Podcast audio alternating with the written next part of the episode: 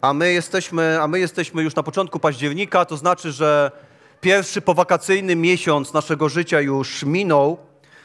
Czas biegnie szybko i myślę, że mam taką nadzieję, że wszyscy jesteśmy świadomi, że, że jest tak wiele rzeczy do odbudowania w naszym życiu, nieprawdaż? W naszej relacji z Bogiem, w naszych relacjach między sobą, w naszych rodzinach, w naszym też życiu wspólnotowym i w tym, w tym odbudowywaniu, w tym powrocie do właściwego miejsca w Bożej historii, której częścią jesteśmy, pomaga nam historia Nehemiasza. Od kilku tygodni ją śledzimy i ostatnio rozstaliśmy się z Nehemiaszem w momencie, kiedy ta, ten projekt odbudowy murów i bram miasta dobiega końca. I to jest niezwykły moment, ponieważ nie tylko ci, którzy przyłożyli rąk do tego projektu, ale też zarówno ci, którzy próbowali przeszkadzać i też ci, którzy patrzyli z boku, nagle wszyscy patrzą na to wszystko i uświadamiają sobie, że, że to jest coś więcej niż tylko dzieło ludzi, ale że to jest działanie Boga Izraela. Miasto zostało odbudowane, ale Nehemiasz zdaje sobie sprawę, że to nie jest koniec jego zadania. Bo tak naprawdę nie chodziło jedynie o odbudowę murów i bram, ale istniała taka potrzeba wielkiej duchowej rekonstrukcji, odbudowy ludzi, żeby znowu żyli dla Bożej chwały, odbudowy wspólnoty, gdzie ludzkie serca biją dla Boga, są Jemu oddane, kochają Go i czczą, wspólnoty, która na co dzień demonstruje wielkość i dobroć Boga i czeka na obiecanego w Słowie Bożym Zbawiciela. A więc jesteśmy w siódmym rozdziale i on rozpoczyna się od takich słów. Gdy mur już był odbudowany, kazałem wstawić wrota. Wyznaczeni też zostali odźwierni śpiewacy i lewici. Władzę nad Jerozolimą powierzyłem Hananiemu, mojemu bratu oraz Hananiaszowi, komendantowi twierdzy. Był on bowiem człowiekiem prawym, jak mało kto. Poleciłem im bramy Jerozolimy, otwierajcie dopiero, gdy słońce zacznie nieco przypiekać, a zamykajcie i ryglujcie, póki stoją. Formujcie też warty z mieszkańców Jerozolimy. Jeden, jedne niech stoją na posterunkach, drugie przed własnymi domami. Miasto bowiem było wprawdzie duże i przestronne, lecz mało w nim było mieszkańców i domy nie były jeszcze w pełni odbudowane. Więc miasto duże, bramy i mury odbudowane, domy jeszcze nie do końca. Świątynia już wcześniej została odbudowana, ale okazuje się, że, że w mieście żyje niewielu mieszkańców. Gdy mury, mury były zburzone, wielu ludzi przeniosło się z miasta jakby poza granice miasta. I teraz pojawia się to pytanie, no kto może mieszkać w tym mieście? Wydaje się to pytaniem banalnym, no jak to? No każdy, kto chce. Przecież po to miasto odbudowano, aby w nim mieszkać. I to rzeczywiście prawda, ale Nehemiasz zauważa coś ciekawego, że, że może jest tak, że wielu ludzi, którzy przenieśli się poza mury miasta. Teraz widząc, że miasto jest budowane, że jakby standard życia, bezpieczeństwo wzrosło, teraz być może wielu ludzi jest gotowych w tym mieście zamieszkać, ale to jeszcze wcale nie znaczy, że to są ludzie, którzy są oddani Bogu. To jeszcze wcale nie znaczy, że to są ludzie, którzy chcą współtworzyć z Bogiem historię tego miasta i Bożą historię, a, Jeremiasz, a e, Nehemiasz dobrze wie, że Jerozolima ma być tym przykładem miasta, w którym mieszka Bóg pośród swojego ludu. A więc próbuję to wszystko uporządkować i dalej czytamy. Następnie Bóg położył mi na serce, abym zgromadził przedstawicieli rodów, ludzi sprawujących władzę oraz pozostałe, pozostały lud i ujął wszystkich w spisach rodowych. Po latach niewoli to się wydaje najbardziej normalną, właściwą rzeczą uporządkowanie życia społecznego poprzez spis. I dalej Nehemiasz pisze, w trakcie związanych z tym czynności odkryłem zwój z rodowodami pierwszych powracających. Było w nim napisane, oto mieszkańcy prowincji judzkiej, ci, którzy powrócili z niewoli. Są to wygnańcy, których uprowadził Nebukadnezar, król Babilonu. Powrócili oni do Jerozolimy i do Judei, każdy do swojego miasta. Przybyli z Zarbabelem, Jeszułą i potem mamy całą listę imion, a dalej czytamy, liczba mężczyzn należących do ludu Izraela, dwukropek, synów Parosza 2172. I gdybyśmy dalej czytali ten rozdział siódmy, a on jest bardzo długi, to znowu znajdujemy tutaj listę imion z wyszczególnieniem poszczególnych rodzin, ile osób składało się na każdą rodzinę, jakie, jaki dobytek posiadali, jakie bydło posiadali, jakie dary złożyli na odbudowę miasta i świątyni. Jeśli dobrze pamiętamy, jeśli śledzimy tą księgę, to wiemy, że to już jest druga lista, która, która jest takim spisem osób i, i, i, i rodzin w tej księdze. I o ile jeszcze możemy zrozumieć tą listę w rozdziale trzecim, która była takim spisem ludzi współczesnych Nehemiaszowi, którzy się włączyli w to dzieło odbudowy i może warto to odnotować, to kompletnie nie rozumiemy, po co Nehemiasz przytacza odnalezioną gdzieś w archiwach listę osób, które 90 lat wcześniej wróciły do tego miasta. Po co przypominać tą listę? Ale okazuje się, że ta lista jest szczególna, ponieważ ona zawiera imiona ludzi, którzy jako pierwsi, kiedy tylko można było, wrócili do tego miasta, żeby je odbudować i odbudować świątynię. To jest lista ludzi, którzy wrócili, ponieważ to było ich pasją życia odnowić to miasto, żeby ono pełniło znowu swoją rolę, odnowić całego Izraela. Bo Pan Bóg zawsze szuka ludzi bezgranicznie, całkowicie oddanych Jemu. Ludzi, którzy opuszczają swoje bezpieczne miejsca, swoje bezpieczne gniazdka i są gotowi zaryzykować z Jego powodu. Ludzi, którzy stawiają w życiu wszystko na Niego. Ludzi, którzy się kierują pasją dla Boga i dla innych. Tacy ludzie współtworzą Bożą historię. Wśród takich ludzi Pan Bóg chce mieszkać i chce działać.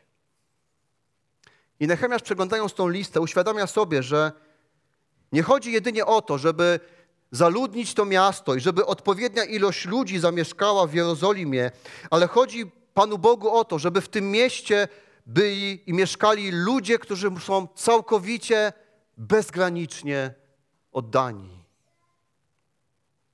Znaczy, w kościele nie chodzi o to, żeby było wiele osób, żeby wiele przychodziło na nabożeństwa i korzystało z działań kościoła. To jest oczywiście ważne, bo każda osoba jest ważna dla Boga, ale w Kościele chodzi o to, żeby było jak najwięcej oddanych Bogu ludzi. Jak najwięcej ludzi, którzy budzą się z tą myślą, dzisiaj będę razem z Bogiem współtworzył Jego historię. Wśród takich ludzi Pan Bóg chce mieszkać, wśród takich ludzi Pan Bóg chce działać. I kiedy jakby Nehemiasz przechodzi przez tą księgę, listę osób, nazwisk i rodzin, ludzi tak oddanych Bogu, nagle dzieje się coś niezwykłego. Na początku ósmego rozdziału czytamy: Wtedy cały lud, jak jeden mąż, zgromadził się na placu przed bramą wodną i poproszono Ezdrasza, znawcę pism, aby przyniósł zwój sprawy Mojżesza nadanym Izraelowi. I nie wiadomo do końca, czy powodem tego spotkania była informacja, że ma się odbyć spis, czy to było całkowicie spontaniczne działanie. Czasami tak się dzieje, że się ludzie zbierają, ale na pewno dwie rzeczy są niezwykłe. Czytamy, że zebrali się wszyscy, autentycznie wszyscy i bibliści uważają, że to chodziło o dorosłych, o nastolatków, łącznie nawet z dziećmi do jakiegoś ósmego, dziewiątego roku życia. To jest pierwsza niezwykła rzecz, bo my wiemy, że nawet kiedy coś jest obowiązkowe i trzeba się zgromadzić, to to nie wszyscy się pojawiają. Tam zgromadzili się wszyscy. A druga rzecz jest jeszcze bardziej niezwykła, bo czytamy, że poproszono Ezdrasza, znawcę pism, aby przyniósł zwój z prawem Mojżesza. Ezdrasz, kapłan i autor księgi Ezdrasza, która poprzedza księgę Nehemiasza. 13 lat wcześniej powrócił z Persji z grupą osób, aby odbudować świątynię, odbudowali ją i od tego czasu zajmował się nauczaniem prawa Bożego. Czynił to w czasie całej odbudowy, ale teraz wydaje się, że kiedy prace zostały skończone, ludzie z wielką jakby desperacją poszukują i chcą słuchać Bożego Słowa. Dlatego zapraszają Ezdrasza, żeby ich w tym poprowadził.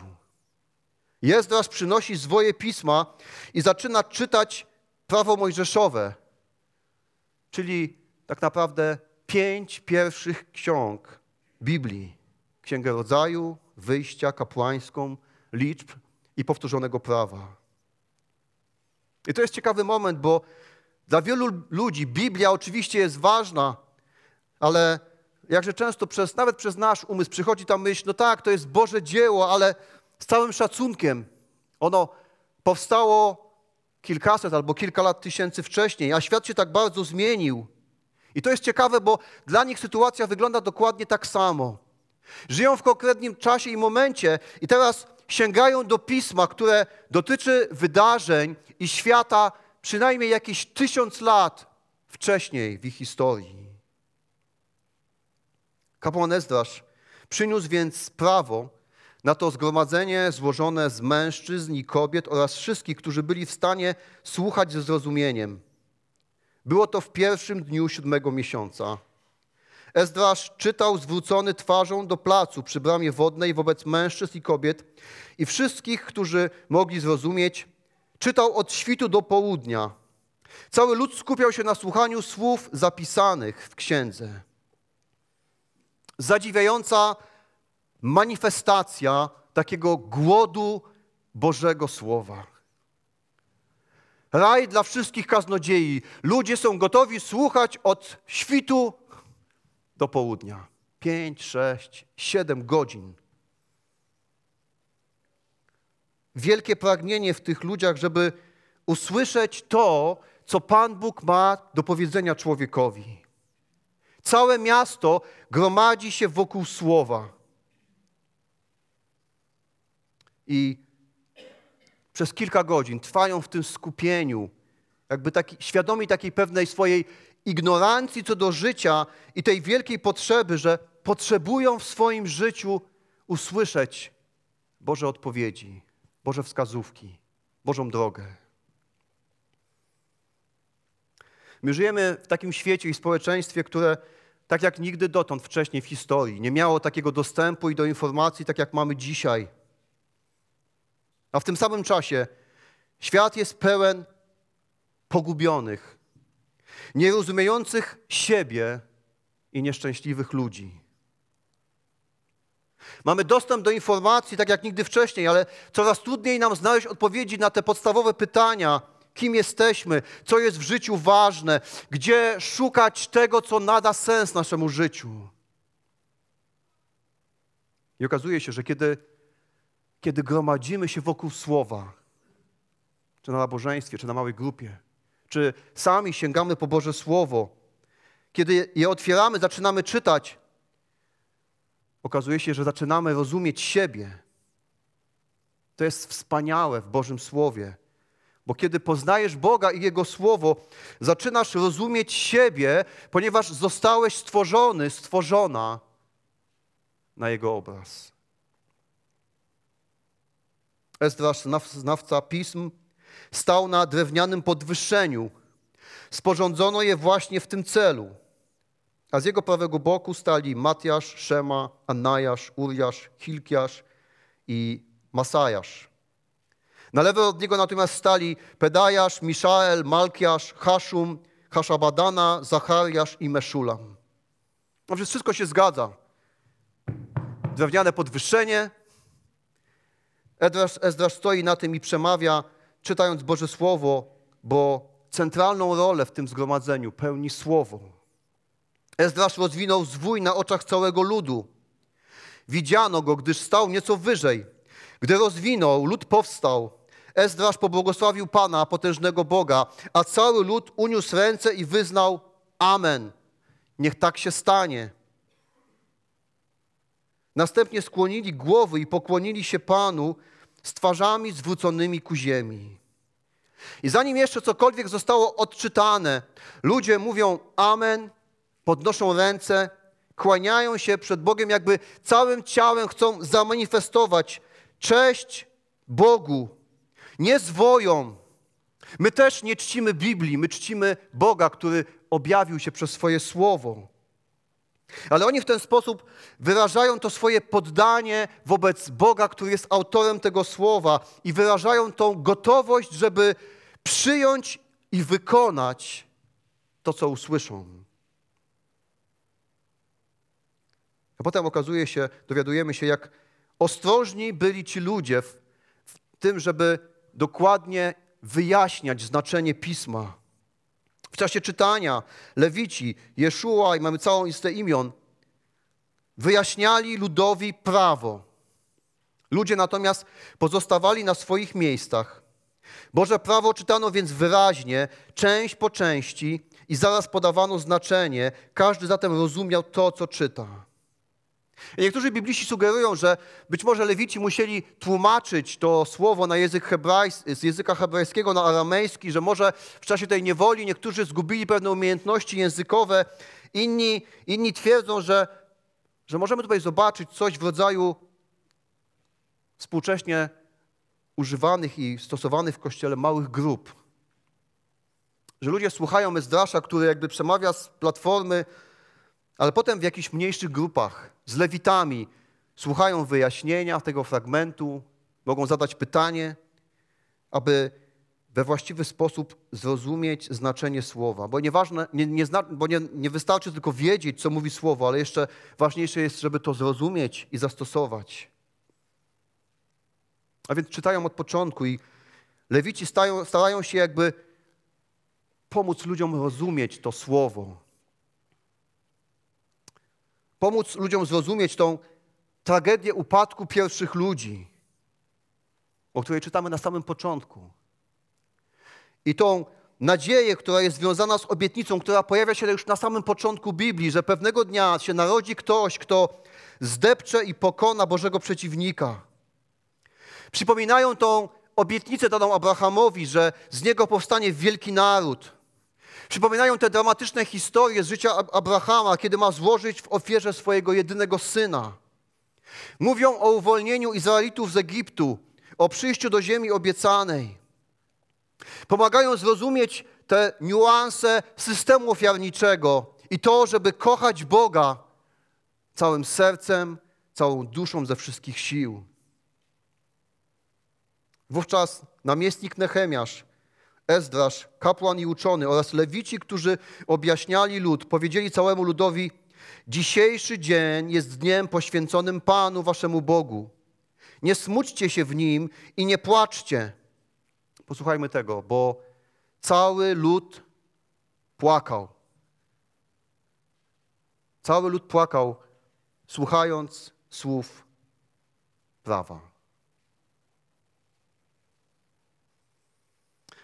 Tak często ludzkie serca, może nawet i nasze, w zetknięciu z Bożym Słowem są twarde, zamknięte, żadnych emocji, żadnych reakcji, żadnych odpowiedzi czy decyzji. Słyszymy Boże Słowo, po prostu wzruszamy ramionami, żyjemy dalej. Oni Słuchali o przykazaniach, o Bożych obietnicach, o Jego działaniu, o Jego cierpliwości, którą okazuje, a ich reakcją był płacz. Niedługo potem, kiedy świadomie uwierzyłem w, Jezu, w Jezusa i podjąłem decyzję, że będę Go naśladować w swoim życiu, przeczytałem w Ewangelii słowa Jezusa, który powiedział, bo cóż za korzyść odniósł człowiek, który zdobył cały świat, jeśli utracił własną duszę? I pamiętam jak dziś, kiedy czytałem te słowa, nie płakałem, ale one na każdy możliwy sposób poruszyły mnie i dotknęły.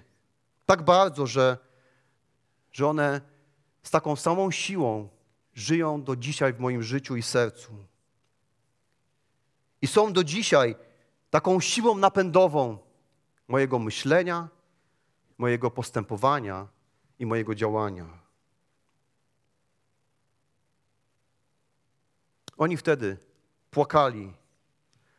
I stało się tak dlatego, że jednym z efektów Bożego Słowa jest to, że ono nam pokazuje, mówiąc najprościej, co jest nie tak z naszym życiem. Słowo nam wskazuje często na tą ruinę i nieszczęście, które jest w naszym życiu czy wokół nas. I kiedy oni tego wszystkiego słuchali, dotarło do nich, że przyczyną ich upadku jako narodu, ta przyczyna leży w ich własnych myślach i postawach i wyborach, które potem przyniosły takie konsekwencje. Oni płakali, bo nagle jakby zderzyło się w ich życiu to piękno Boga z brzydotą człowieka. I zobaczyli wyraźnie, że to zło w społeczeństwie i to wszystkiego zło, które doświadczają, to się bierze z dumy i arogancji człowieka. Oni płakali, bo sobie uświadomili, jak bardzo się oddalili od Boga i w jak tragicznym stanie się znajdują. Media, prasa pełna jest komentarzy, które są zaniepokojone stanem naszego świata i ludzkiego życia. I jeśli jesteśmy trochę do siebie podobni, a chyba jesteśmy, to myślę, że mamy takich wiele momentów, kiedy, kiedy już mamy dość tego słuchania, kiedy czujemy taką bezsilność. Słysząc o konfliktach zbrojnych, o bezbronnych ofiarach, o problemach uchodźców, o wykorzystywaniu dzieci i kobiet, o społecznej niesprawiedliwości, o korupcji, o arogancji, o tych ogólnoświatowych problemach, które wydają się nie mieć rozwiązania. Mamy dość tego słuchania. Ale dopiero kiedy otwieramy Słowo Boże, tak naprawdę jesteśmy w stanie zrozumieć i pojąć przyczynę tego stanu rzeczy. Odkrywamy, że, że jako całe narody i jako poszczególne osoby odwróciliśmy się od Bożych dróg, zignorowaliśmy Boże prawa i w ten sposób zepsuliśmy świat, który nam ofiarował coraz bardziej tracąc to zrozumienie i poczucie, co jest dobre, co jest słuszne.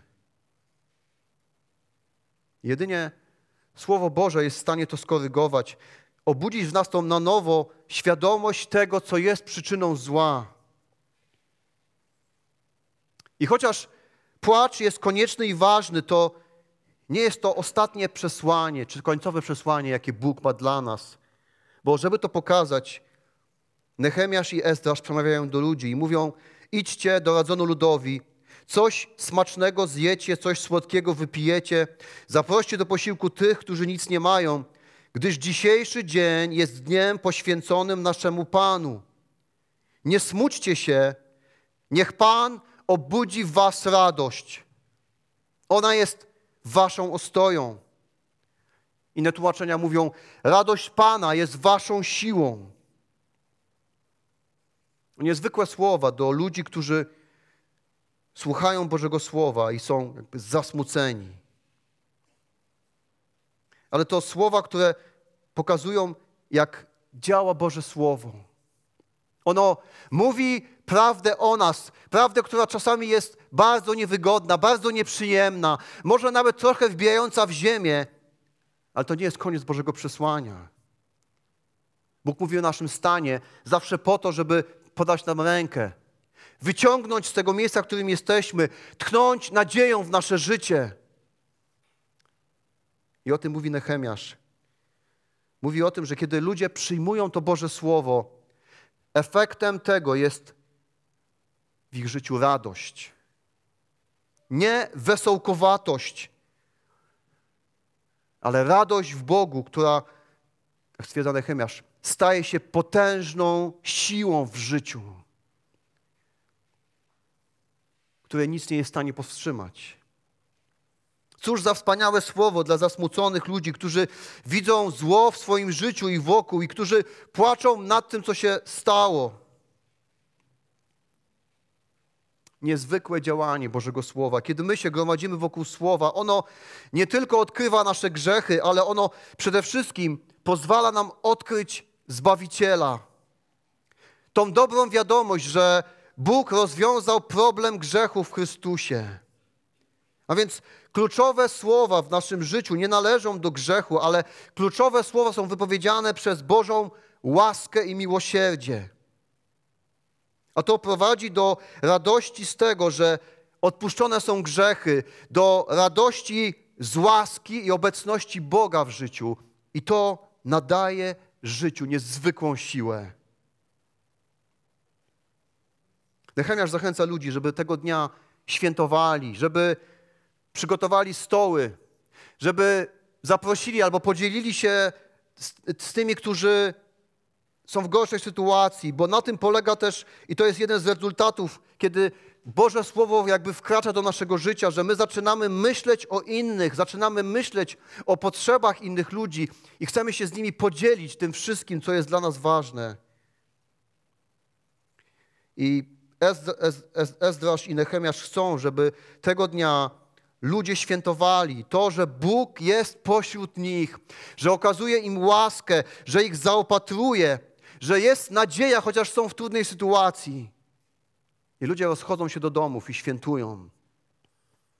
A następnego dnia naczelnicy rodów całego ludu, kapłani i lewici zebrali się wokół Ezdrasza, uczonego w piśmie, aby zrozumieć słowo pra słowa prawa. I znaleźli przepis w prawie, który Pan nadał przez Mojżesza, aby synowie Izraela mieszkali w szałasach podczas święta siódmego miesiąca. Czytają słowo i nagle odkrywają, że jest coś, czego Pan Bóg od nich oczekuje, a oni tego nie robili przez setki lat. Podobnie jest w naszym życiu. A wydaje nam się, że tak znamy przecież Biblię, już czytaliśmy ją kilkakrotnie, ale za każdym razem czytamy i odkrywamy, że, że jest coś, czego Pan Bóg od nas oczekuje, czego być może jeszcze nigdy w życiu nie robiliśmy, albo wiemy o tym, ale tego po prostu nie robimy. W ich przypadku chodziło o święto szałasów, które przypominało o tym, że zostali wyzwoleni z Egiptu. Całe ich wyjście z Egiptu było nagłe i gwałtowne. Musieli w pośpiechu zjeść posiłek paschalny. Musieli być gotowi do podróży. Wyszli na rozkaz w nocy, a potem dotarli na pustynię i gdy zapadła noc, nie mieli gdzie się schronić. I Bóg przez Mojżesza nakazał, żeby zbierali konary drzew i wszystko, co było, aby budować sobie szałasy na schronienie. Ale potem Pan Bóg zarządził, że, że mają robić to co roku. Chociaż już mieli swoje własne domy do zamieszkania, mieli budować szałasy i mieli w nich mieszkać przez siedem dni, bo to miało ich ciągle uczyć i przypominać, że na tej ziemi są pielgrzymami są obcymi na tej ziemi. Że ten świat nie jest tak naprawdę ich domem. Że wszystkie wielkie błogosławieństwa ich życia niekoniecznie znajdą wypełnienie w obecnym czasie, ale niektóre z nich czekają na nich wieczności. Dlatego już się nie muszą denerwować, jeśli nie mają tego wszystkiego, co ludzie wokół. I dokładnie tak samo jest w życiu uczniów Jezusa, kiedy Jego słowo o przebaczeniu, o nadziei, o sensie życia i o wieczności z Nim przychodzi do nas, a my je przyjmujemy. Ono nas uczy i prowadzi do takiej wolności od presji, czasu i posiadania. I od tego myślenia, że nasze domy, samochody, pieniądze czy zysk materialny są kluczowe dla naszego życia. I to słowo sprawia, że nawet nam jeśli nawet brakuje nam niektórych rzeczy, to my wiemy, że te wielkie skarby, prawdziwe skarby naszego życia pozostają nietknięte i są bezpieczne. I dzięki temu słowu możemy rozumieć, że, że koncentracja życia na tym, żeby zdobyć to, za tym wszyscy gonią, jest zwyczajnym życiowym błędem. To słowo nas uczy tak naprawdę lekceważenia tych rzeczy na rzecz współtworzenia z Bogiem Jego historii. I to właśnie miało przypominać święto szałasów. Całe zgromadzenie, wszyscy, którzy powrócili z niewoli, uczynili szałasy i mieszkali w nich, gdyż synowie Izraela nie czynili tego od dnia Jozułego, syna Nuna, aż do tego dnia. I panowała wielka radość. Ezdrasz czytał z Księgi Prawa Bożego każdego dnia, od pierwszego dnia aż do ostatniego. Przez siedem dni obchodzili święto, a ósmego dnia odbyło się uroczyste zgromadzenie według zwyczaju. I kiedy, kiedy wszyscy zastosowali to, czego Pan Bóg oczekiwał w swoim słowie, znowu czytamy, że panowała wielka radość. Bo tak się dzieje, kiedy ludzie gromadzą się wokół słowa i stosują je w swoim życiu. Wtedy panuje w życiu tych ludzi wielka radość. I tacy ludzie współtworzą Bożą historię. Wśród takich ludzi Pan Bóg chce mieszkać i działać. Jeden z wielkich kaznodziei przebudzeniowych, pisząc o tej radości w Bogu, napisał takie słowa: W radości kryje się cudowna moc lecznicza. Większość leków jest niesmaczna, ale to, co jest najlepszym lekarstwem, jest słodkie w smaku i pocieszające dla serca. Ta błogosławiona radość jest bardzo zaraźliwa. Jeden smutny duch sprowadza do domu rodzaj plagi. Jedna osoba, która jest nieszczęsna, wydaje się powstrzymać wszystkie ptaki od śpiewu, gdziekolwiek się uda. Ale ta łaska radości w Panu jest zaraźliwa. Święta radość naoliwi koła maszynerii Twojego życia. Święta radość wzmocni Cię w codziennej pracy. Święta radość upiększy Cię i da Ci wpływ na życie innych. Jak pisał Charles Spurgeon.